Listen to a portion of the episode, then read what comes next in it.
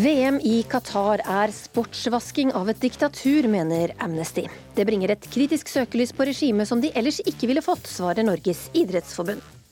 Greta Thunberg langet ut mot verdens ledere i FN denne uka, og for det blir hun både hyllet og hatet. Jeg syns hun er en ganske tøff jente på 16 år. Jeg syns det blir litt overdramatisk. Det blir for mye? Og det, ja, hun uh, sier jo at verden kommer til å gå til helvete, og det tror jeg ikke. Ukeslutt tar debatten. Rekordmange har blitt eh, soppforgifta i år. For eh, Katrine Trevland ble en liten bit sopp starten på et mangeårig mareritt.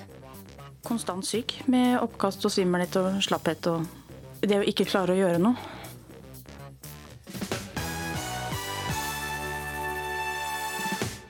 Velkommen til ukeslutt, hvor vi også henter fram strikkepinnene i studio, for strikking på møter har vist seg å være svært så provoserende. Jeg heter Linn Beate Gabrielsen. You have stolen my dreams and my childhood with your empty words. And yet, I'm one of the lucky ones. We are in the beginning of a mass extinction, and all you can talk about is money and fairy tales of eternal economic growth.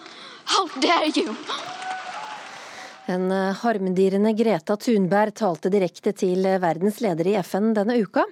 Ekspertene har skrevet kronikker om henne, kommentarfeltene har rent over, og Unicef har advart om en ekstrem mengde hets mot 16-åringen og andre klimaengasjerte barn på nett. Vi sendte ut reporter eh, Synnøve Svabø på gata for å høre folks ærlige mening om Greta Thunbergs tale. Jeg syns hun er en ganske tøff jente på 16 år, som tør å stå opp der. Tenk hun har vært i FN og snakka det er, tenker jeg det skal stå respekt av. Nei, altså jeg syns det er vondt å se henne. Greta Thunberg. Ja, jeg syns det er litt vondt å se henne. Altså, jeg synes hun er, Det er litt som Malala. At, at det blir så overdramatisk. Jeg syns det blir litt overdramatisk. Det blir for mye? Og, det, ja. og, og, hun på en måte Hun uh, sier jo at verden kommer til å gå til helvete, og det tror jeg ikke. Så, så, så jeg håper hun ikke skremmer folk. Hun er 16 år fra Sverige. Greta Thunberg. Ja. Holdt jo tale i FN. Ja, kjempebra. Du syns det? Ja, det syns jeg virkelig. Og de som sier at hun skal skjermes, jeg har ikke hørt maken til sprøyt, altså. Det blir ikke for mye miljøprat, da? Nei. Det blir ikke nok. Hva tenker du om Greta Thunberg? Jo, jeg syns hun er ei fantastisk jente, men det blir jo kanskje litt mye av en 16-åring. Ja, jeg syns det. Hun har jo sikkert ikke fått med seg alt dette på egen hånd. Hun har jo noen som står bak og hjelper henne. Hun var veldig sånn sta med det hun mente, så det var, hun overbeviste folk veldig bra. Fordi Før så tenkte vi sånn ja, politikere fikser jo det her. Men når hun snakker sånn, så tenker man sånn ja, jeg kan jo også gjøre noe med det her. Jeg syns hun var kjempeflink. Veldig Tra rørende. Traff det deg? Ja, det traff meg. Hun har jo måttet tåle veldig mye hets etterpå. Ja, det syns jeg er helt forferdelig. Jeg skjønner ikke at uh, voksne mennesker kan uh, uttale seg som om barn. Man har presidenten til Amerika. Det kommer ikke i vei i det hele tatt. Han er bare, det er jo bare stange huet mot veggen, altså. ja. Noen har sagt at man kan bli litt deprimert av det, redd liksom for framtiden. Uh, ja, altså man blir jo litt redd når man tenker på at uh, når alle disse står og sier at verden kan gå under hvis vi ikke gjør noe nå. Ja, men uh, man får litt håp også da, når det er noen som tar initiativet og virkelig står på. Så det får meg til å bli litt inspirert. Så det er litt sånn go Greta? Ja, det er det. Om det er Go Greta eller No Greta, det skal vi diskutere senere i sendinga. VM i friidrett er i gang, og i går ble det en litt vel spennende kveld for Jakob Ingebrigtsen, som sto i fare for å bli diskvalifisert til 5000-meteren. Og sånn kommer nok dekninga av VM i Qatar mest sannsynlig til å fortsette, uten noe større fokus på baksidene til arrangørlandet Qatar. Tidligere har det blitt kjent at 3700 arbeidere, hovedsakelig migranter, har jobbet under elendige forhold, og mange har ikke engang fått betaling. En rapport fra Amnesty slår fast at eh, til tross for at Qatar har kommet med løfter om reformer, er dette fortsatt en lekeplass for skruppelløse arbeidsgivere. Karsten Warholm sa til eh, NRK før han dro til Qatar at han har litt trøbbel med at landet har fått VM. Jeg innsett at jeg får bare være en forbaska hykler og fare ned der og springe, og så komme vekk så fort jeg kan. Hvorfor oppleves det som hyklersk å dra dit? Det er forferdelig å tenke på at folk må jobber der for, eh, under, under, veldig dårlige vilkår og skader seg. og Det blir dokumentert at folk dør under bygging. og sånn, og jeg tenker at det, det, er vel egentlig ingen som ønsker å stille seg bak det. Så, så Derfor føles det litt hyklersk, faktisk. Har du helt tatt vurdert å ikke dra dit? Ja, altså det har vært det, Jeg har snakka om det. Jeg var Spesielt eh, på begynnelsen av året så var jeg veldig hard på det, for jeg tenkte at det kommer et OL neste år. Um, jeg, kan, jeg kan med glede stå over. Um, men, uh, men, samtidig så er det liksom det at jeg, jeg føler som utøver så, så, må vi kunne stole på, på de som er, som er over oss i systemet. De som har fått ansvar, og de som er da de som da er våre overordnede, som skal ta de rette beslutningene på våre vegne. Og de har da tatt denne beslutninga her. og um, det får de stå for. Jon Peder Egenes, du er generalsekretær i Amnesty Norge. Hvor ille syns dere det er at Qatar arrangerer VM? Nei, altså, Vi er uh, ikke en organisasjon som roper på boikott osv., men, men vi syns det er ille at Eh, det internasjonale friidrettsforbundet, det internasjonale fotballforbundet som har gitt en fotball-VM om to år osv., ikke har stått hardere på for nettopp de menneskene Karsten Warholm snakker om. De som har bygd stadionene, de som bygger veier, de som bygger hoteller, de som jobber på hotellene osv. Som vi har dokumentert nå gjennom mange år. Jobber for ekstremt lav lønn, veldig ofte ekstremt lange timer, bor under forferdelige forhold, har farer forbundet med jobben sin osv som de ikke nok, tas nok hensyn til. Mm. Jeg syns Karsten Warholm er veldig hard med seg selv, og, jeg er egentlig enig med ham i det jeg først og fremst er enig med ham i, er at det er andre som har ansvaret for dette enn utøverne. Samtidig syns jeg det er helt fantastisk at en verdensstjerne som Karsten Warholm snakker om dette, og jeg skulle ønske at mange, mange flere verdensstjerner gjorde det. Det ville sette press på de beslutningstagerne i de ulike idrettsforbundene og, og organisasjonene som tar disse avgjørelsene. Hvis flere verdensstjerner sa jeg kommer, jeg løper, men jeg har ekstremt vond smak i munnen fordi folk har lidd for at jeg skal kunne løpe på i dette tilfellet Khalifa stadion. Dere bruker et begrep, altså Vi har jo hørt om grønnvasking, men dere kaller dette sportsvasking. Hva, hva mener dere med det? Ja, Det er en helt klar tendens eh, i verden i dag at Eh, autoritære regimer bruker idrett for å både vaske seg selv, sitt eget image, gi et inntrykk av at dette er en For det er jo det man får vist gjennom disse store arrangementene, at man viser fram solsiden av landet sitt. Eh, og dette er eh, helt åpenbart en strategi både for som sagt å, å skape et vi vil si falskt bilde av staten, trekke til seg turister, trekke til seg investeringer eh, til landet, eh, og helt sikkert også for å, for å på en måte bygge nasjon, altså gi folket noe. Eh, kanskje i den hensikt, kanskje ikke så mye i Qatar, men i mange andre land, at folk på en måte skal, skal eh, være stolte av nasjonen og kanskje stoppe å protestere, f.eks. Per Theun, du er idrettspolitisk rådgiver i Norges eh, idrettsforbund. Er dere med på å sportsvaske Qatar? Jeg tror det er ingen i Norge som er uenig i den beskrivelsen som Jon Peder Egenes gir. Både om det at situasjonsbeskrivelsen i landet, og at disse landene bruker eh, arrangementene til å hva skal vi kalle det, glansvaske seg selv. Er det greit at de gjør det? Nei, men jeg tror at eh, når man først er kommet så langt som man er kommet nå, at man deltar eller ikke deltar, så er jeg helt overbevist om at det å delta og forhåpentligvis løfte oppmerksomheten rundt de forholdene som er i disse landene, er bedre enn å boikotte og ikke ta del i dialogen. Men jeg er jo helt enig både med Karsten Warholm og med Egenes i at denne kampen står lenge før. Den står på tidspunktet hvor disse landene blir tildelt disse arrangementene. Og Der gjelder det å bruke de demokratiske mulighetene man har, i den grad man kan si at disse, disse prosessene er demokratiske, til å påvirke utfallet av hvor arrangementene skal finne sted. Egenes, hva burde Idrettsforbundet ha gjort for å unngå at eh, land som Qatar får sånne store arrangement? Ja, som sagt så er jeg ikke først og fremst opptatt av å hindre at de statene får sånn aldri noen gang.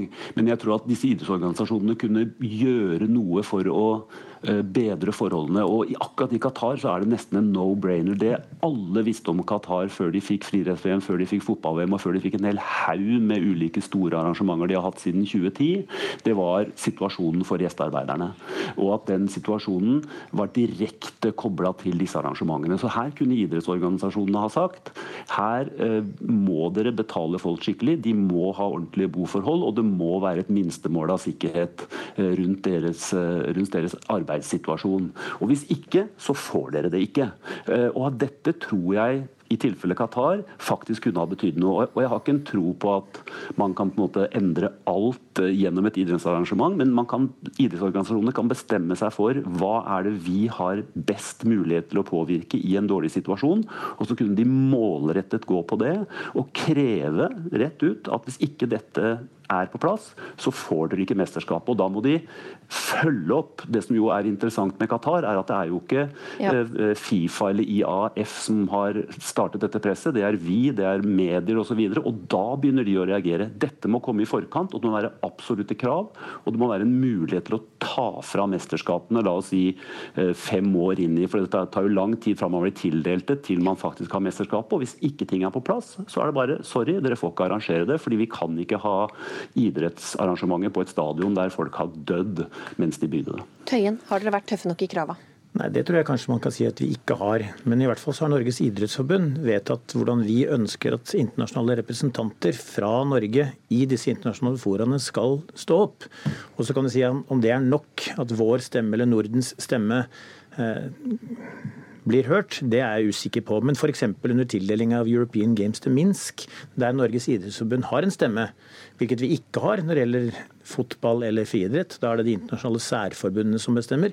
Men f.eks. under tildeling av European Games til Minsk, så var det Norge og Danmark som da ikke ville at dette skulle finne sted der.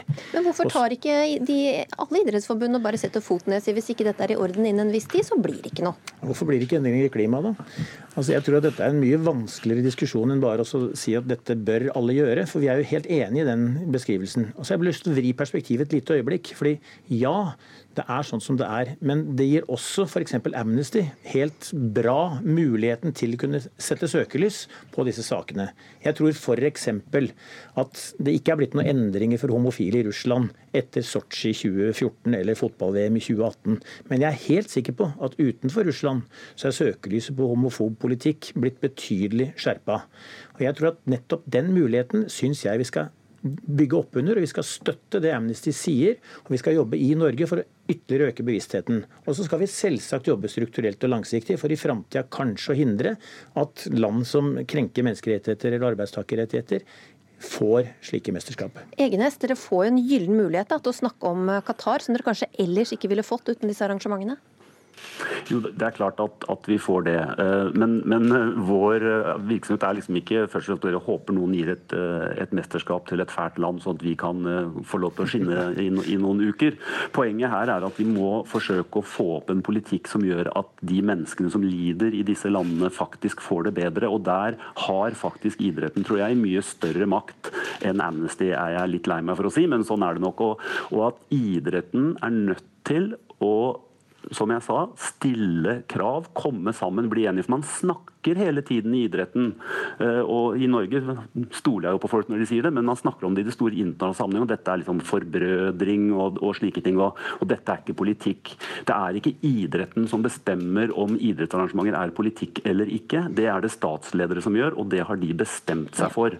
Og det må idretten ta inn over seg. og også skjønne at de bedriver stor, storpolitikk når de tildeler mesterskap, og at de faktisk har en anledning til å påvirke, som jeg mener at de altfor altfor stor grad bare sier fra seg. fordi det viktigste er å få gjennomført disse arrangementene, og for noen, ikke Tøyen, men for noen, å tjene fryktelig mange penger.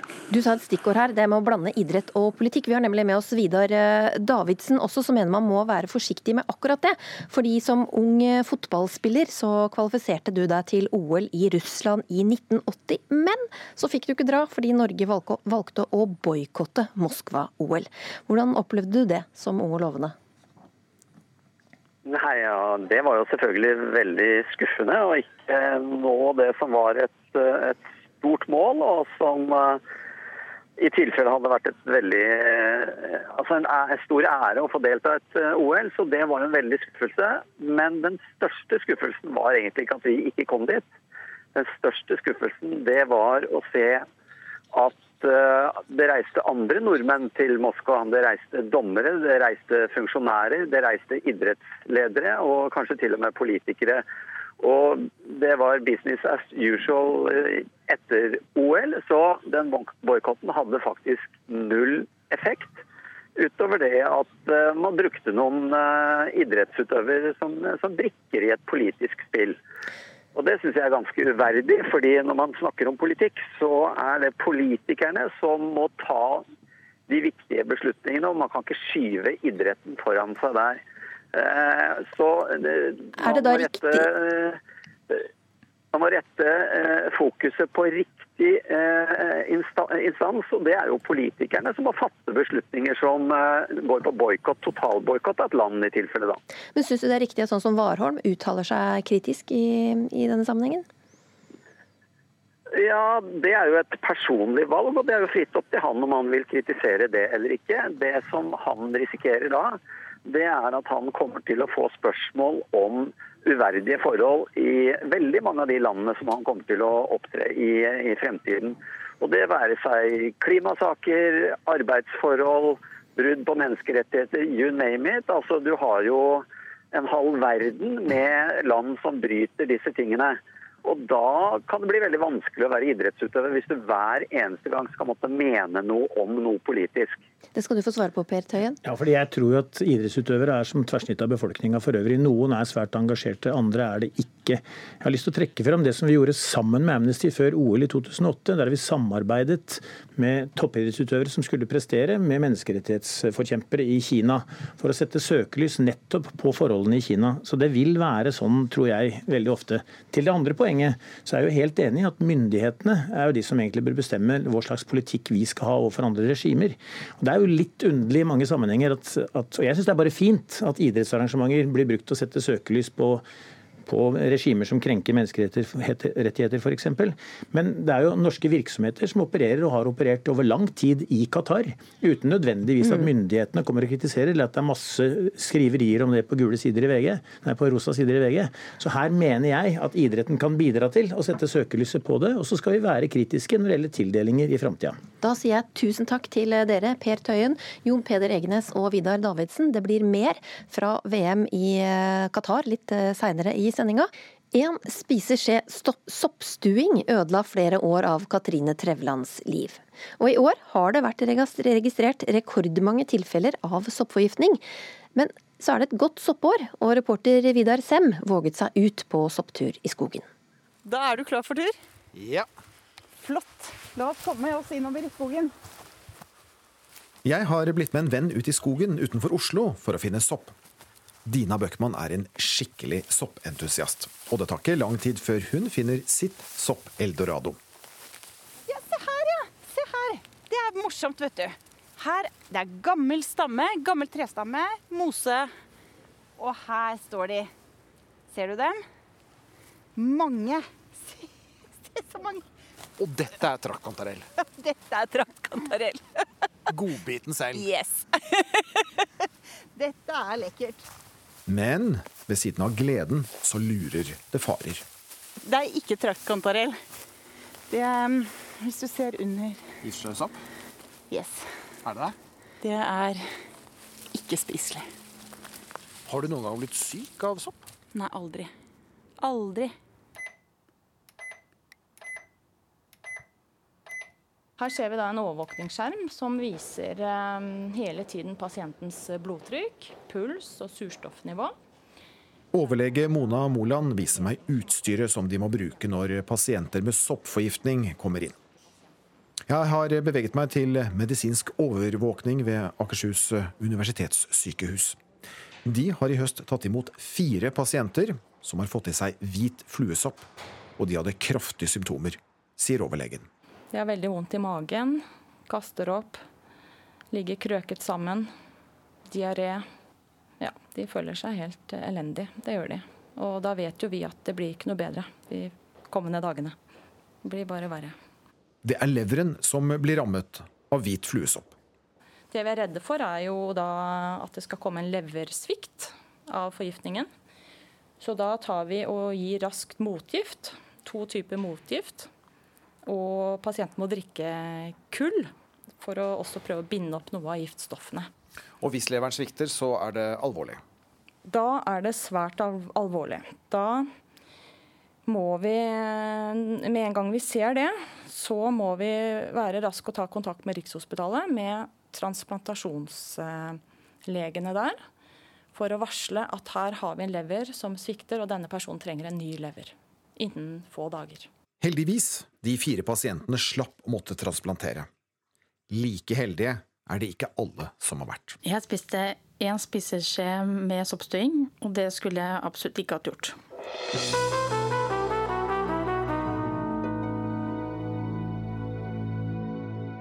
Fem personer fra Sandefjord er innlagt på sykehuset med alvorlig soppforgiftning. De Mamma og min stefar hadde da vært ute og pella sopp.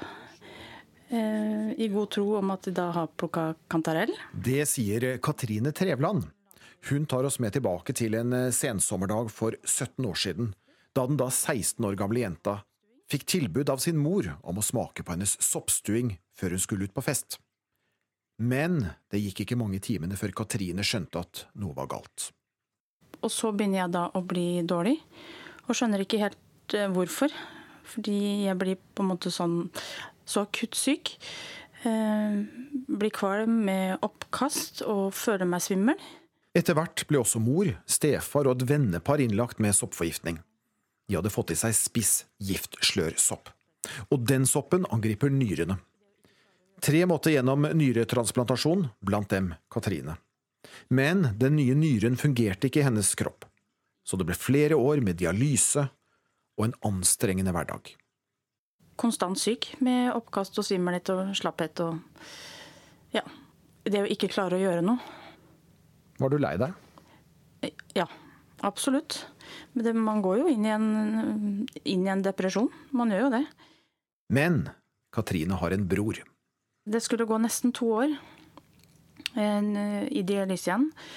eh, Hvor en ettermiddag min bror bare sier at jeg orker ikke og klarer ikke å se at du er så syk. Det her, må vi, det her må jeg bare gjøre noe mer, rett og slett. Så han sa at eh, jeg skal ta blodprøver for å se om jeg kan gi deg en nyre. Og i dag er Katrine frisk og fungerer i hverdagen. Så jeg er jo evig takknemlig for at han sa ja til det her. Jeg kan jo ikke få takka nok.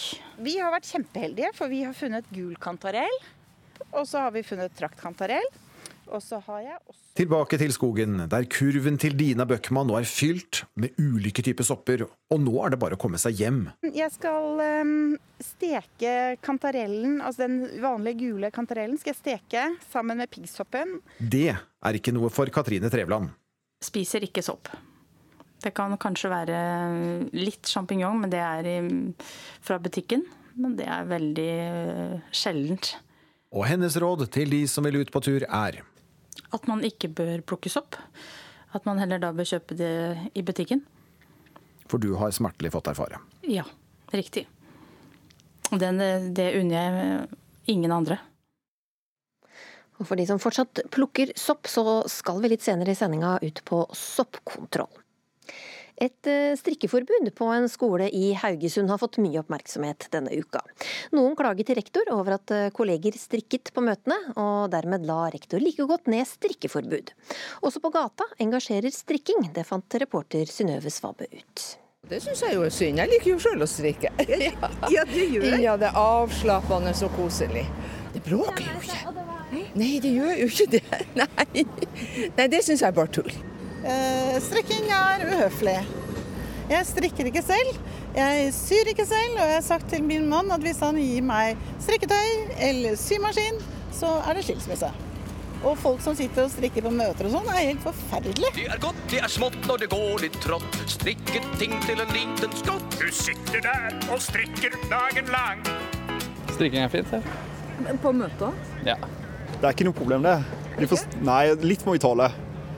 Så lenge de trives og jobber bra, så går det bra. Men jeg merker at hvis jeg sier noe, og alle sitter og strikker og ser ned, så blir jeg litt irritert, liksom. Ja, du gjør det. Jeg gjør, føler at det, Hallo! Prøver å Ja, jeg gjør det. Men når de liksom Ja halvveis bryr seg. Hvis det ikke klirrer i pinner, ja. Så bør man få strikke? Ja, hvis, man, hvis det ikke forstyrrer noen direkte. Man kan nok gjøre to ting samtidig, men jeg kan også forstå de som blir eh, distrahert av det. Fordi at det kanskje bråker litt, og fordi at du bare, eh, blikket ditt bare blir dratt eh, mot noe annet, og du blir ukonsentrert.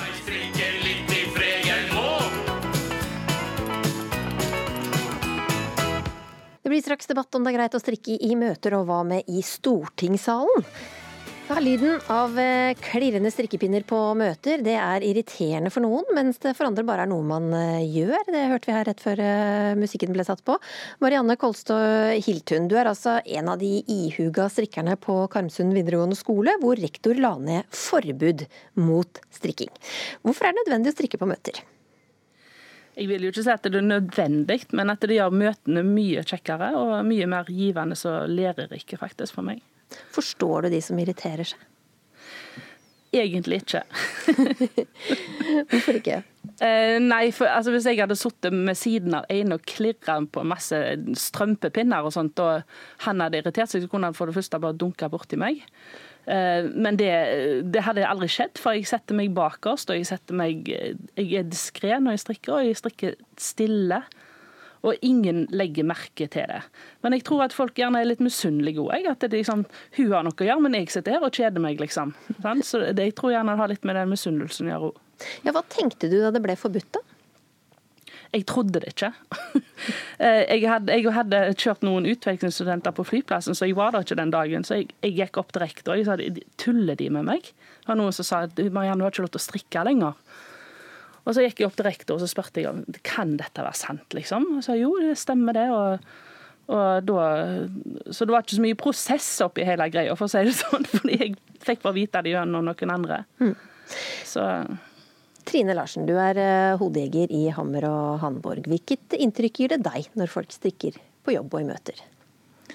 Jeg har vel egentlig aldri opplevd det, for å være helt ærlig, så jeg har måttet tenke hvordan jeg ville reagert. Jeg ville jo synes det hadde vært litt eh, vel rart.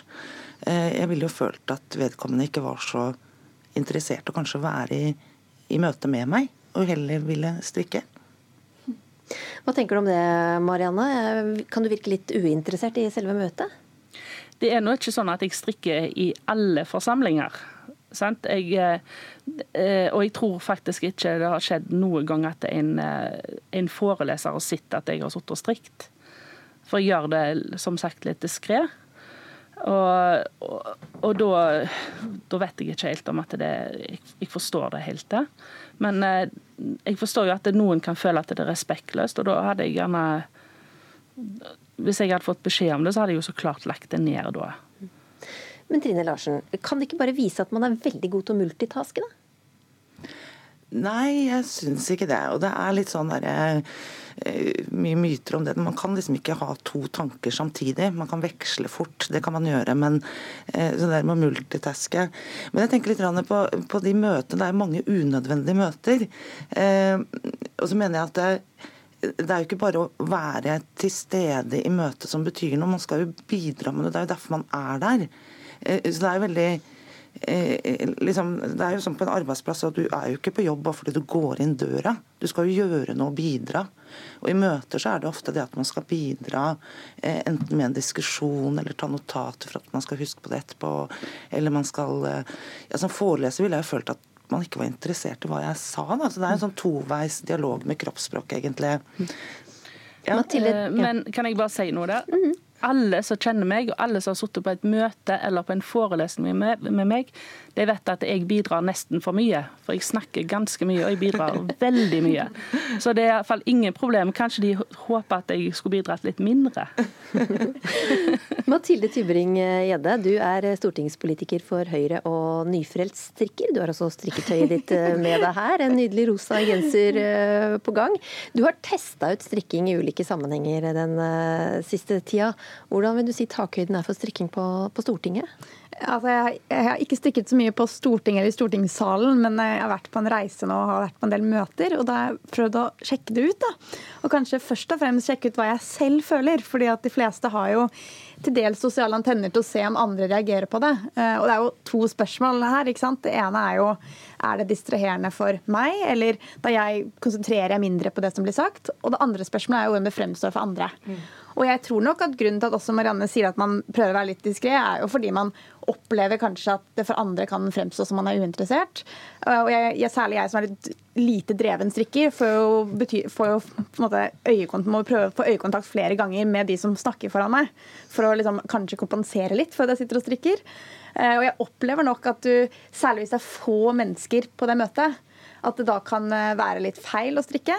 Eh, og at det først og fremst kanskje er greit hvis det er en større sal og du sitter bakerst og det er ikke så viktig at du bidrar aktivt til diskusjonen, men at det ellers kan virke ut som du er uinteressert. Men Hvordan reagerte du sjøl da du så en rådgiver strikka på et uh, møte? Um, altså, det er jo litt overraskende. Jeg tror mye av, Vi har mye sosiale normer knytta til hva vi mener altså på en arbeidsplass. Hva som er greit å gjøre og ikke greit å gjøre. Og knytta til hvordan man viser oppmerksomhet. Uh, og egentlig tok, tok, jeg meg selv i å tenke i løpet av det møtet at det her bør jeg egentlig kunne tolerere. Altså fordi Hun noterte når hun skulle notere, og ellers strikket litt og hadde øyekontakt. og Det var jo ikke noe problem. Men så er utfordringen at dersom alle vi på det møtet, det var ikke så mange på det møtet, hadde gjort det, da tror jeg det hadde vært kanskje enda mer utfordrende for den som var og snakket. Så antall på et møte som strikker er jo også et spørsmål. Og da er det blir en veldig vanskelig balansegang. Det er interessant dette med normer. ikke sant? For det er jo også noe som endrer seg, og man ser kanskje normer, eh, forskjellige normer i forskjellige generasjoner også. Eh, nå har jeg vært i arbeidslivet noen år, og jeg ser jo at bare på de åra jeg har vært der, at det har endret seg. Eh, jeg tar meg i å gjøre mer private ting i dag enn hva jeg kunne gjøre for 20 år siden. da. Eh, så, så det, det, her er jo tydeligvis i endring, men jeg tror det er viktig at man på en arbeidsplass eh, diskuterer og blir enige og snakker om disse normene og uskrevne reglene. For det er jo veldig lett å tråkke i bare hvis man ikke vet om dem også. Og nå er det jo innpå noe, fordi Vi har jo sett bilder av f.eks. stortingspolitikere som sitter og spiller på mobilen i stortingssalen. Er det noe bedre? Altså, det vil jeg jo kanskje si at det ikke er. Eh, og det er jo igjen et utfordring på møter at folk sitter og noterer i gåsetegn på PC eller iPad, mm. og så gjør de egentlig ikke det, altså fordi man lett blir distrahert. Så vi er nok en del av en, en, altså en generasjon, en trend, hvor man veldig ofte blir rastløs og trenger å gjøre flere ting samtidig når man skal konsentrere seg. Og Det tror jeg også vi kan ha påvirkning på arbeidslivet etter hvert. Men så skal det sies da at nå preges jo også fritiden vår i større grad av jobb. Altså Man skal bare svare på en e-post eller bare snakke veldig kort med en man jobber med. Sånn at de grensene kanskje sklir litt ut generelt. Ja. Og det tror jeg også at det er veldig mange som jobber litt i fritiden sin. Men det er også veldig mange som gjør mye fritid på jobben. Og det er jo den, Vi snakker mye om selvledelse, det nye arbeidslivet. Vi har gått vekk fra all kontroll. Stempling-uret, Det er ikke mange som har det lenger når du kommer og går. For Man er mer interessert i at man skal gjøre oppgaver. Men det her krever mye tillit. Men hva hadde du valgt eh, hvis du skulle ansette en person? En som sitter med, med mobilen, eller en som sitter med strikketøyet? Pest eller kolera-valget, liksom? Nei, jeg vet ikke. Jeg tror jeg hadde, ville hatt en dialog. Jeg syns kanskje begge deler eh, hadde vært eh, rart for meg om man hadde spilt Candy Crush eller strikka, eller begynt å svare på private samtaler i et jobbintervju. Ja. Nå har vi hatt eh, to her som har sittet med strikketøy under debatten, og én uten. Så kan jo lytterne gjøre seg opp sin mening om det har hatt noen påvirkning på debatten. Tusen takk eh, skal dere ha, Trine Larsen, Mathilde Tybring-Gjedde og Marianne Kolstø Hiltunen. Vi vet knapt hva verdenslederne mente under FNs klimamøte denne uka. Det eneste vi husker er en harmdirrende 16-åring. Noen mener Greta Thunbergs tale var på høyde med Martin Luther Kings I Have a Dream-tale. Andre mener 16-åringer blir brukt av av en lobby og heller burde vært på skolen. I shouldn't be up here. I should be back in school on the other side of the ocean. Du kan markere det uten å droppe ut av skolen. Eh, det er fullt mulig å ha engasjement på fritiden sin og ikke bare på skoletiden sin. You have stolen my dreams and my childhood with your empty words. Don't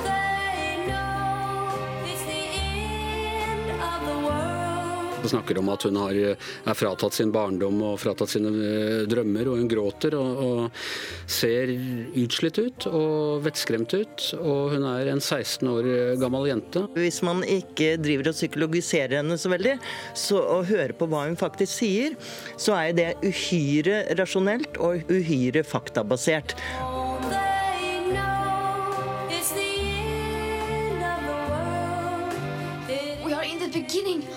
Mass extinction, and all you can talk about is money and fairy tales of eternal economic growth. How dare you! Fred Heggen, du er eh, psykiater og fast blogger i eh, Nettavisen. Du mener i likhet med statsminister Erna Solberg at eh, Thunberg hun burde vært på skolen. Og I en bokanmeldelse så skriver du at Greta Thunberg skremmer verden, sirkuset lever i beste velgående. Fortjener hun all den oppmerksomheten hun får? Ja, Det er jo ikke akkurat opp til meg å, å, avgjøre. Men eh, det er klart hun har jo et budskap som er veldig aktuelt. Dette med klima, klimaspørsmål og en eh, eventuelt klimakrise. Eh, jeg syns vel kanskje at eh, media litt ukritisk videreformidler hennes eh, eh, synspunkter. Du kaller henne en dommedagsprofet? Ja, Når man hevder at jordkloden går til helvete om ti år, så syns jeg vel det er vel å, å profetere dommedag. Selma Moren, du er eh, debattansvarlig mm. i Dagsavisen, og du har irritert deg over de mange kommentarene Thunberg fikk i sin tale, som gikk på hvordan hun framsto. Du skrev 'mansplaining', det var det vi trengte nå. Hva mente du med det? Ja, det var jo eh, god gammeldags ironi. Jeg mener jo at man eh, fokuserer på helt feil ting. Og at det har kommet en del uttalelser i etterkant eh, som er veldig ovenfra og ned. Og hersketeknikkete. og jeg mener jo at Greta Thunberg kun formidler fakta som man har visst, og som man har visst om i mange år. Mange mener jo talen Thunberg holdt i FN vitner om at hun er i ubalanse og, og trenger hjelp. Heggen, du er psykiater. Hva slags inntrykk får du av henne? Jeg må bare si at jeg aldri har møtt Greta Thunberg. Jeg har aldri snakket med henne, bare så det er sagt. Jeg, eh, men jeg, mitt inntrykk av henne den siste tiden er at hun for meg fremstår hun som en eh, robust ung jente. Det virker som hun takler eh, opp, oppmerksomheten og eksponeringen veldig godt. Når det gjelder hennes sinnstilstand under FN-talen, så tror jeg nok ikke den er representativ for hennes psykisk helsetilstand. Jeg mistenker at hennes opptreden var innøvd og at hun brukte teatralske virkemidler for å få fram uh, synspunkt, for, uh, synspunktene sine. Moren, hvorfor er det ikke lov å være kritisk til uh, den posisjonen Thunberg plutselig har fått?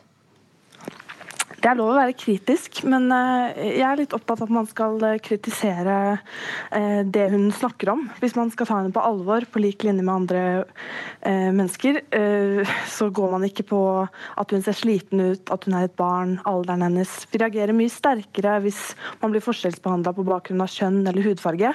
Men når man blir aldersdiskriminert, på en måte, så reagerer man ikke på samme måte. Da. Jeg føler at man tar tak i feil ting når man skal kritisere henne for den talen.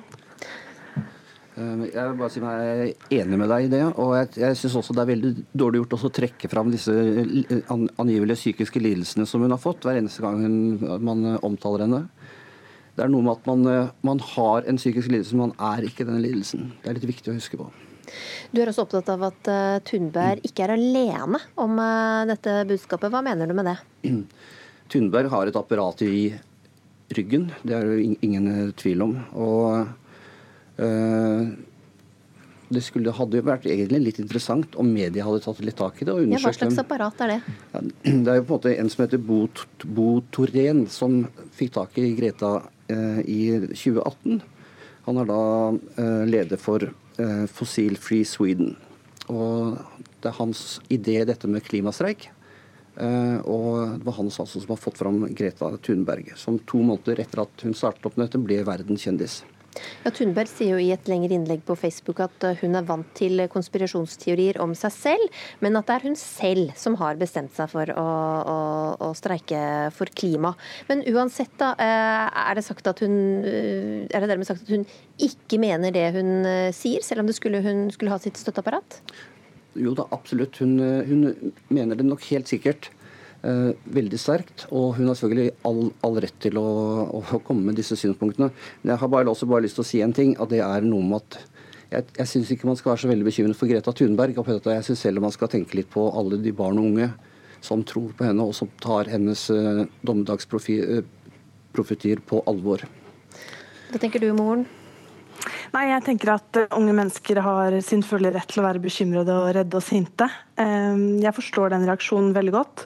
Jeg tenker at, uh, at vi er altfor redde for å kritisere hvordan vi lever på, og kritisere hverandre. At vi blir altfor nærma for det vi gjør feil, istedenfor å begynne å skape endring. Jeg syns det er sterkt at en 16 år gammel jente setter verdenslederne på plass. Uh, hvis man ser på forskningen, så har vi all grunn til å være redde. Ja, er, er, sånn er det bare. Men er det noen grunn til å være bekymret på vegne av de, de unge, da, og den framtida de spås? Altså, Unge mennesker eh, er nødt til å bli tatt på alvor. Hvis de er bekymra, så er de bekymra. Da kan man ikke si til dem at eh, de ikke får lov til å være redde. Det er jo, Vi er nødt til å endre måten vi lever på. Og det har de skjønt, tydeligvis ikke verdenslederne. Ja, men eh, det er vel det at eh, det Greta Thunberg forsøker å gjøre, er å få folk til å få panikk. Og Det er fryktelig dumt å få panikk. Altså Hvis et barn ber deg om å få panikk, så må man som voksen si at nei, hvis man har panikk, så gjør man veldig dumme ting. Da tenker man feil, da gjør man feil handlinger. Jeg, jeg, ser på ingen måte at hun ber folk om å få panikk. Det hun gjør i den talen, er at hun ber de som har makta, om å gjøre noe, om å handle. Fordi Hvis ikke så kommer dette til å gå veldig dårlig. Det er det hun gjør. Hun putter ansvaret der det ansvaret burde ligge. Vi kan ikke late som at vi eh, ikke burde være bekymra. Det blir helt feil. Heggen, du, du, skrev en anmeldelse av mora Malena Ernmanns bok 'Huset brenner'. Eh, og Da kaller du det den påståtte klimakrisen. Tror du at det ikke er noen krise? Jeg tror absolutt at, eh, at uh, menneskelige aktiviteter kan påvirke klimaet. Det tror jeg. Men jeg tror det er ganske stor eller jeg vet det er veldig stor usikkerhet om i hvilken grad dette skjer. Det er greit nok at det er mange klimaforskere og eksperter som sier at man, vi har ti år på oss. Men det er også veldig mange som sier det motsatte, som sier at det ikke er noen krise. Jeg tenker bare at det kan være greit å diskutere dette her eh, åpent og nøkternt, og istedenfor å både låse seg fast til et standpunkt som sier at, at kloden går under og koker opp om ti år. Jeg tror ikke vi trenger nøkternhet, jeg tror vi trenger handling, og jeg tror vi absolutt trenger folk som Greta Thunberg. Tusen takk for eh, debatten, Selma Moren og Fred Heggen. På 90-tallet tilsto Thomas Quick mord etter mord i både Norge og Sverige. Thomas Quick, eller Sture Bergwall som han egentlig heter, tilsto 39 drap, bl.a. drapene på norske Trine Jensen, Gry Storvik og Therese Johannessen. Han ble dømt for åtte av dem, før han ble frikjent i 2013. I går fredag var det norsk premiere på spillefilmen Kvikk, som følger to journalisters arbeid med å avdekke denne rettsskandalen i Sverige. Jag vet att du sedan flera år har vänt journalister ryggen. Men jag ville ändå ställa frågan om det skulle vara möjligt att få träffa dig. Kvick dömdes för åtta mord. Men han har erkänt säkert ett tjugotal till. Hur är det möjligt att dömas för mord när man inte ens vet att ett mord har begåtts? Du har ju sagt att du har begått 30 mord. Men det finns inga vittnen, inget DNA, ingen teknisk bevisning. Vem ljuger? Kvikk-saken kalles altså en av Sveriges største rettsskandaler, og den ble avslørt av to svenske journalister. En av dem var Jenny Kutim, som reagerte slik da hun fikk vite at saken skulle bli film. Jeg sa oh, wow, eh, grattis, hvilken fantastisk story å gjøre en spillfilm på man har ju länge tänkt den tanken att eh, den innehåller så många spännande komponenter så att det är värt att göra en spelfilm. Eh, så att eh, jag var överraskad men glad när de berättade att de skulle göra den här spelfilmen. Men dere har jo på en måte allerede gjort det arbeidet som, som førte da til at Bergvall ble frikjent. Hva tenker du at filmen kan bidra med? Det var jo över 11 år sedan jag och Hannes Råsland började jobba på fallet Thomas Quick. Så det har varit en stor del av vår rättshistoria och eh, journalistiska i Sverige. Så att jag tänker att eh, spelfilmen, att det var dags för en spelfilm. Att på två timmar kunna berätta den här väldigt komplexa berättelsen en publik som kanske inte riktigt har greppat alla turer i skandalen ännu. För den yngre publiken framför allt, för de som kanske eh, missade at vi faktisk hadde en seriemördare som ikke lenger finnes. Hvordan ser man på Kvikk-saken i, i, Sverige i dag? Jeg tror at det offentlige Sverige i dag har eh, adoptert den journalistiske forklaringen som eh, Hannes Råstam og jeg avslørte for 11 år siden, og som jeg sammen med Dan Josefsson gav ytterligere et lager til når vi gjorde dokumentær 2014. At det her er en av våre største rettsskandaler. Og at det var en produkt av et grupptenk. Eh, der man tillot pseudovitenskap å forgifte det svenske rettssystemet til å dømme en mann felaktig for alle de her mordene. Det sa Jenny Kutim, en av journalistene som avslørte Kvikk-saken, og som portretteres i filmen. Erlend Lo, du har eh, skrevet eh, manuset. Hvilke forhold, hvilket forhold hadde du til disse sakene før du begynte å, å jobbe med denne filmen? Jeg hadde vel omtrent det samme forhold som mange nordmenn på min alder. At jeg hadde, hus hadde det her ganske friskt i minnet, men uh, hadde glemt detaljer og hva det egentlig handla om, og hvem som hadde gjort hva. Og jeg var nok ikke klar over omfanget av den uh, ja, nærmest absurde uh, altså retts- og psykiatri, vil jeg si, skandalen som eh, har foregått i Sverige i, i vår tid, da, ganske nyere tid. Ja, Hva har sjokkert deg mest? Det er vel hvordan fagmiljøer kan gå med på en sånn historie hvor det har mangla sentrale bevis. Og det ligger en slags undertone av at her bygger vi karriere og ser bort ifra vesentlige mangler. Da. Eh, Det tror jeg har vært det mest sånn graverende å oppdage at det skjer. Hvordan vil du karakterisere hele Thomas Quick-saken? Det er jo en eh, skandale, og det er trist på utrolig mange menneskelige nivåer. Det er fryktelig mange etterlatte eh, til en rekke drap, kanskje rundt 30 drap, som eh, pga. at Sture Bergwall tok på seg det her, eh, aldri sannsynligvis får vite hva som har skjedd med deres barn, eh, slektninger, som forsvant. Det, det er det alvorligste, vil jeg si. Når vi hørte traileren her, så hører vi et sånt spennende filmuttrykk, sånn nesten Hollywood-drama. Hva har vært viktig for deg eh, med å lage denne, eller manuset til denne filmen? Det har vært å ivareta spennings, det spenningselementet som ligger der. For du har jo rett i det. Det er, det er en forrykende spenningshistorie eh, og en etterforskningshistorie. Men den har også veldig ma mange menneskelige aspekter, da, som jeg har vært opptatt av. Blant annet at, at, den skal kunne bli sett av de mange etterlatte, uten at det skal gjøre vondt verre. Kanskje heller tvert imot. da. Uh, så har det jo vært et voldsomt altså, sakstilfang. altså Researchen er stor, det er masse bøker, det er enorme artikler. Det, det er mange som mener mye her, motstridende til dels.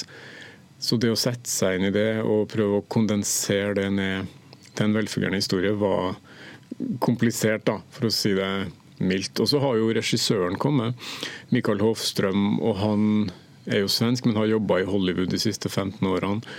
Filmer og TV-serier der. Det ser man jo på filmen her, eh, hvor den inspirasjonen kommer fra. Men Har du møtt eh, Sture Bergvall, som han heter, under eh, manusarbeidet? Det var snakk om at det var en mulighet, men det, det avslo jeg ganske tidlig i prosessen. Jeg tenkte at det, For det første ville jeg ikke lage noe forsvarsskrift for Sture Bergvall. Altså, lite tyder på at han er noen drapsmann, men han, han har nok sitt å stri med. Så det er, ikke, det er ikke sånn at jeg hadde noe behov for å løfte fram han som et entydig offer heller. Han har jo bidratt i, i stor grad her. Så jeg valgte å holde han unna, og det fantes jo rikelig med eksempler og dokumentasjon på hans historie, ting han har gjort og sagt. Mm. Vi skal høre hva Bergwall sa da Ukeslutt intervjuet han i 2013, da han akkurat hadde blitt frikjent for alle de åtte drapene han var blitt dømt for. Det kjennes jo uerhørt bra. Det har jo vært en lang, utdragende resningsprosess. Men, men trodde du at du hadde begått de her drapene, eller bare sa du at du hadde gjort det? Ja, det, det, var både og. Når det var som intensivest, da var man inne i, i det tenkandet at, at, jeg hadde gjort de her mordene. Og, og det der var veldig, veldig svårt. Det hendte jo at jeg våknet på nettene der jeg skrek nei, nei. Altså en innsikt om at men, det her er jo interessant, hva er det vi holder på med? Når du tilstod de her drapene, tenk, ja. tenkte du noen gang på at det var da noen andre, en drapsmann eller flere andre drapsmenn, som gikk fri? Ja, absolutt. Og framfor alt de sju tysta årene var, var jo veldig plågsomme, just med tanke på offerens anhøriger, på brottslingar, mördare som eh, gikk fria osv. Det har vært oerhört plågsamt. Altså, Bergwall sa altså her til reporter Sara Victoria Rygg at han også selv syntes det var plagsomt at, eh, at, andre drapsmenn gikk fri. Hva tenker du rundt uh, hans medskyldighet her? Nei, jeg tenker at den er veldig tydelig, nokså massiv. Jeg tror jo også at uh, noen ting som har blitt kommunisert for lite, er at han var narkoman, intenst narkoman. Og at han eh, i alle de årene på 90-tallet hvor han fortalte om det her, gikk på sterke doser benzodiazepiner, da, som er ja, eh, fjerne eh, en bruker ganske langt fra virkeligheten. Og har jo sett rapporter som antyder at en person som går på den mengden medisiner som Bergwall gjorde på 90-tallet, umulig kan forholde seg adekvat til virkeligheten. Så han har nok eh, ikke vært i stand til å ta den type vurderinger, vil jeg tro. Selv om jeg selvfølgelig ikke er noe psykiatrisk sakkyndig. Men hvordan, har, eh, hvordan, kunne svensk eh, politi og rettsvesen hvordan kunne det gå så galt at de trodde på, på han? Nei, det, her, det, er noe av det mest fascinerende, og det tror jeg vel ingen har noe særlig godt svar på. Jeg har ikke sett uh, det svaret, i hvert fall. Det er, virker som det er et uh, Det har vært profesjonskamper. Det har vært uh, spisse albuer om posisjoner. Jeg tror alle som har kommet i befatning med det her, har syntes at det var veldig spennende. Og sett her har vi noe forskningsobjekt, her kan vi stige i gradene. Og det fascinerende er jo at dem som var tettest på de her prosessene, eh, er dem som i dag fortsatt hevder at alle andre tar feil, og at eh, Bergwall var skyldig og er skyldig, og at det er ikke snakk om noe justismord, men at han har lurt alle til å bli fri. da. Det gjelder polititjenestemenn, eh, tidligere statsadvokat, tidligere psykiatere osv. Så, videre. så det, det er dypt fascinerende. Takk for at du kom til eh, ukeslutt, manusforfatter Erlend Lo.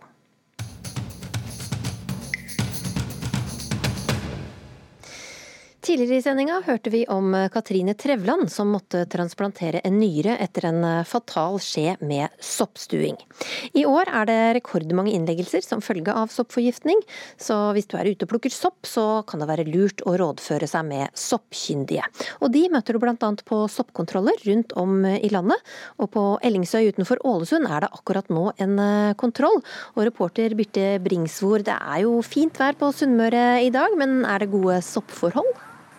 Ja, Det er blå og skyfri himmel og sol i dag. Sikkert en fin dag for å gå ut i skogen og fylle opp soppkorga og komme hit til en Petter Røseth Tingve. Du er leder i Nytteforeninga i Ålesund. Du står her med ei korg full av sopp, klar for å ta imot sopplukkere. Er det gode soppforhold her på Sunnmøre nå? Ja, det har vært en veldig god sesong hittil. Nå har vi hatt uh, mye regn, og så har vi hatt uh, fint vær, som du sier. Og da kommer soppen, uh, spretter den opp overalt i skog og mark. Men er det slik at folk er litt usikre på hva de kan putte i seg av den soppen som de plukker? Ja, det virker jo sånn. Da. Nå leser jo litt i nyhetene om disse forgiftningene som folk pådrar seg. og Da virker det som om noen har vanskeligheter for å finne disse riktige soppene. Og Det vil vi gjerne utdanne folk til å plukke mer sopp, og plukke de riktige soppene, selvfølgelig. Hva spørsmål er det folk stiller dere? Nei, De lurer på hva slags sopp de har funnet, først og fremst. Og selvfølgelig om de har funnet eh, kantarell, om de er kantarell, eller om de har funnet steinsopp, om de er steinsopp. Det er vanlige spørsmål. Mm. Hva råd er det du har å gi til dere? Nei, Kom hit på soppkontroll, eh, og vær med Nyttevekstforeningen på soppturer. Det er viktig, altså. Men så er ikke alle som har en soppkontroll i nærheten. Hvordan er det de kan eh, ja, dobbeltsjekke om at de kan ha i seg den soppen som de bruker? Ja, nå har Nyttvekstforbundet kommet med en, en app, en soppapp. Det er en digital soppkontroll. Der man kan ta bilde av soppen man finner i skogen. og Så kan man uh, sende den inn på appen, og så får du en soppkontrollør på nett som kan fortelle deg hva det er for noe. Er folk flinke nok til å nytte seg av soppen som er ute i naturen? Akkurat soppkontrollen har jo vært en suksess da, fra den ble starta. Og jeg tror det har påvirket folk til å gå mer ut i skogen og bli tryggere på det som finnes der ute. Så absolutt, ja. Og så kan jeg spørre til slutt, Petter. Hva skal du ha til lørdagskos i kveld? Er det noe med sopp, eller? Nå får jeg ikke lov å spise mer sopp, sier kona, altså. Soppstopp. Soppstopp, ja. ja. Du, eh, du, får kose deg ute i sola og gi råd da, til de som kommer med korgen sine fulle av sopp. Jeg håper nå det at folk benytter seg av det de finner ute i naturen. Takk. Det høres ut som det bare er å laste ned Sopp-appen for å være på den sikre siden. Takk for rådene Petter Rødseth Tingve, og takk reporter Birte Bringsvor. Vi skal til VM i friidrett i Doha, mens eh, Karsten Warholm nærmest jogget seg videre til semifinale i 400 meter hekk, så ble det stor dramatikk i går da Jakob Ingebrigtsen først ble diska etter at han tok noen steg utenfor streken i banen etter at han ble dytta. Det ble levert inn en protest, men eh, anken fra den eh, norske leiren ble tatt til følge, og dermed ble det seint i går kveld klart at også yngstebror Jakob kom videre til finalen. Det er jo deilig å kunne gjøre det jeg kom her for å gjøre. altså sånn, Få lov å gå på jobb. Det ble eh, framlagt en video for juryen eh, som Ellen eh, brakte fram til juryen, som viste at det ikke var grunnlag for den protesten på den måten som han var framlagt. Det betyr at det er tre gutter fra Norge i en 5000 meter finale her, og de er brødre. Det er jo historisk. Helt sikkert. Og jeg tror de kommer til å sparke godt fra seg i den finalen. NRK-kommentator i Doha, Vebjørn Rodal. Hvor dramatisk var denne situasjonen i går kveld? Ja, det var jo dramatisk fordi at uh, Jakob var jo uh, i utgangspunktet diska. Norges friidrettsforbund la inn en anke på den disken. Og, så tror jeg juryen var veldig i tvil, altså, fordi at det var marginalt det der. og Eh, vi må være veldig glad for at eh, Jakob eh, slapp gjennom det der nåløyet til juryen og er på plass i finalen. da, Og tre brødre i finalen som er tilsynelatende i kanonform, blir jo veldig spennende. da. Ja, Du var jo sjøl i tvil om diskinga var riktig i går?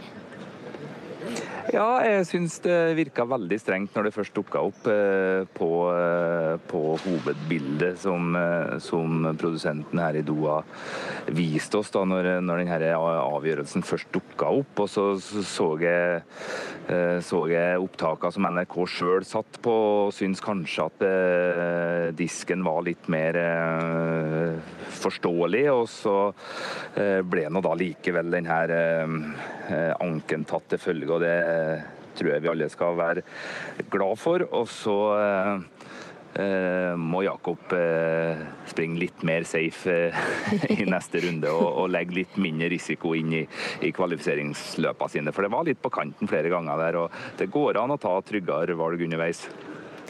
Vi har hørt om høye temperaturer i, i, Qatar. Du som vet mye om hva som er optimale løpeforhold, hvordan er det i dag i Doha? I dag er det litt annerledes. Det er fortsatt 40 varmegrader, så det er kanskje den varmeste dagen. Men luftfuktigheten er ikke på samme måten her i dag. Så litt forskjellig fra dag til dag. Veldig varmt i dag, men eh, ikke så fuktig. Og da oppleves det ikke så eh, brutalt som, eh, som det har gjort de foregående dagene her. Så litt variasjon, men det er varmt. Og det er ikke optimalt på, på noen måte. Det er ikke det. Altså, det er for varmt, spesielt for dem som skal sprenge langt. Men aircondition er i hvert fall delvis aircondition på stadion gjør at løpebanen er delvis nedkjørt. sånn at eh, Litt ubehagelig, men helsefarlig vet ikke om vi skal si at det er. Det er altså først på mandag at de tre brødrene løper finale. Men hva er spennende sett med norske øyne i dag? Ja, I dag har vi to veldig spennende semifinaler for Karsten Warholm og Hedda Hynne. Hedda Hynne på 800 meter og Karsten Warholm som er gullfavoritt, eh, kanskje nummer én på 400 meter hekk. Så De skal gjennom sine semifinaler. Så skal Ola Stunes Isene gjennom kvalifiseringa si diskos. Det eh, blir spennende å se om han eh, har bevart den gode formen fra tidligere i sommer og tar seg til en finale. Det blir det første nåløyet for Ola sin del. Artig at vi også har kastere på plass i den norske troppen som biter fra seg. Da er det bare å følge med på NRKs ulike plattformer utover dagen for jevnlig oppdatering om det som skjer på de ulike banene. Kristin Ask velger å gå på jobb, selv om det betyr at hun må spy i grøfta på vei hjem. Og tilbringer fritida, fritida stengt inne på et soverom mens familien drar på ferie. Den nye forebyggende migrenemedisinen Aimovig har gitt henne og andre med kronisk migrene nytt håp om et mer normalt liv, men den koster over 5000 kroner i måneden, og denne uka sa helseminister Bent Høie at den ikke blir å få på blå resept. Kristin Ask, du har skrevet en ytring her på nrk.no om hva denne migrenemedisinen betyr for deg. Først, hvordan artet migreneanfall seg for deg? Et migreneanfall kan oppleves eh, veldig intenst. Jeg har prøvd å visualisere smerten med en syl i øyet, eller noen som forsøker å grave ut eh, øynene dine, eller noen som presser øynene innenfra. Det høres jo veldig voldsomt ut, og heldigvis vet jeg ikke hvordan akkurat det kjennes ut, men det er veldig intense smerter. Og ofte så blir det også um, eh, fulgt av sterk kvalme og oppkast. Så det er veldig sånn Eh, invalidiserende smerte og en veldig klaustrofobisk smerte. For når man er inni det, så føler man at man på en måte aldri vil komme ut av det igjen. da. Du sa at du hadde et begynnende anfall på vei eh, hit, eller til, til morgendag. Hva gjør du da, når du kjenner at det kommer? I morges så våkna jeg av eh, sterke smerter, og da klarte jeg først å ta en eh, anfallsmedisin i sprøyteform, og så virket ikke den. Og da tok jeg en, og da visste jeg skulle hit, så da måtte jeg kjøre på med litt sterkere lut, så da tok jeg også en, en tablett etter to timer, da. Så nå er sikkert litt medisinert, men jeg, har, jeg, jeg sitter her. ja. Men denne nye medisinen, eh, hvordan virker den? Det er en helt annen medisin, for det er en forebyggende medisin som skal hindre at anfallene kommer, og det er første gang at det kommer på markedet. Og Problemet med anfallsmedisin, som eh, mange av oss med kronisk migrene bruker mye av, er jo at jo mer du bruker den, jo mindre virker den. Og det kan også føre til, hvis du tar for mye eh, anfallsmedisin, at du får eh, medisin overfor bruk hodepine som kan forverre situasjonen. Ehm, og denne anfallsmedisinen kan du bare ta åtte ganger i måneden. Når du da har kronisk migrene, så har du over 15 anfall. Så da må du ta ganske knallharde ehm, prioritering, prioriteringer. Og Derfor så kan denne medisinen være veldig eh, til hjelp for de som har kronisk migrene, de, de som er mest sterkt eh, ramma. Når du sier du må gjøre prioriteringer, hvilke prioriteringer eh, gjør du? Jobb eller familie. Eh, og da velger jeg å stå i jobb. Jeg har gjort det i alle år, og det vet jeg det er veldig mange som, eh, som gjør. Og det gjør at min familie lider. Jeg kan ikke være den moren som jeg ønsker å være. Eh, mange av helgene tilbringer jeg på soverommet, mens ungene på en måte må leke utenfor og være stille. Så det, det gjør Altså, jeg prioriterer å stå i jobb, og det er det mange som har tatt kontakt med meg etter den kronikken, som sier at det er akkurat sånn det er. Nå har vi holdt ut og holdt ut, og nå ser vi endelig at det kanskje kan være et håp da med den nye medisinen, og så vil vi ikke ha råd til å bruke den. da. Hvorfor prioriterer du jobb? Fordi at jeg har et veldig sterkt ønske om å bidra. Jeg vil ikke være en eh, pasient. Jeg har lyst til å bidra til felleskassa. Jeg har en grunnleggende tro på sosialdemokratiet. Eh, og jeg føler jeg har mye å bidra med. Eh, og noen må betale de utgiftene det koster å ha en velfungerende velferdsstat. Ja. du ønsket da altså at denne medisinen eh, kan komme på blå resept, ikke sant? sånn at mm. folk kan jobbe og bidra, som mm. du sier. Eh, statssekretær Anne Grete Erlandsen fra Helsedepartementet, hun, i Dagsnytt 18 denne uka så fikk hun spørsmål om hvorfor de ikke ser helsepolitikken og arbeidslivspolitikken i, i sammenheng her. Eh, nå er det sånn at eh, Stortinget har behandlet eh, melding om prioritering. Og i den behandlingen så er man helt klare på at eh, man ser på, på nytte av medisiner, man ser på alvorlighet av sykdom og man ser på kostnader. Man ser ikke på hvorvidt en person er i arbeid eller ikke, for da ville vi ha eh, ikke prioritert barn. Ikke prioritert pensjonister, ikke prioritert andre som av ulike grunner ikke er i jobb. Slik at det kriteriet er faktisk ikke med, og det er det som Stortinget har fastsatt. Hva syns du om eh, dette svaret? Jeg er veldig glad i at det prinsippet er fastsatt, fordi som sagt, jeg er veldig glad i velferdsstaten, og sånn skal det være. Samtidig så må det være lov å tenke realpolitisk. Og så tenker jeg at det er på mange måter de skyver prinsippene foran seg. Eh, fordi at migrenegrupper tror jeg er en veldig sterk gruppe som ønsker å bidra. Og som sagt, noen må betale for det det koster å ha en velferdsstat. Og hvis da kostnaden, eh, som jeg har da sagt i den kronikken, så er det bedre å Eh, å ha langsiktige investeringer enn kortsiktige besparelser, som jeg mener at dette statsbudsjettet er. Og når eh, det er en nytteverdi, det er også en nytteverdi å ha en mamma som fungerer i helgene, samtidig som det har en arbeidstaker som kan fungere i ukene. Så jeg syns det er en eh, ansvarsbeskrivelse. Helseminister Bent Høie han har bedt eh, Legemiddelverket starte prisforhandlinger da, for å presse prisen ned, slik at det blir billig nok til at det kan komme på, på blå resept. Er ikke det en, en, viktig jobb, at myndighetene nettopp eh, presser prisene ned, framfor å være med på å opprettholde de høye prisene?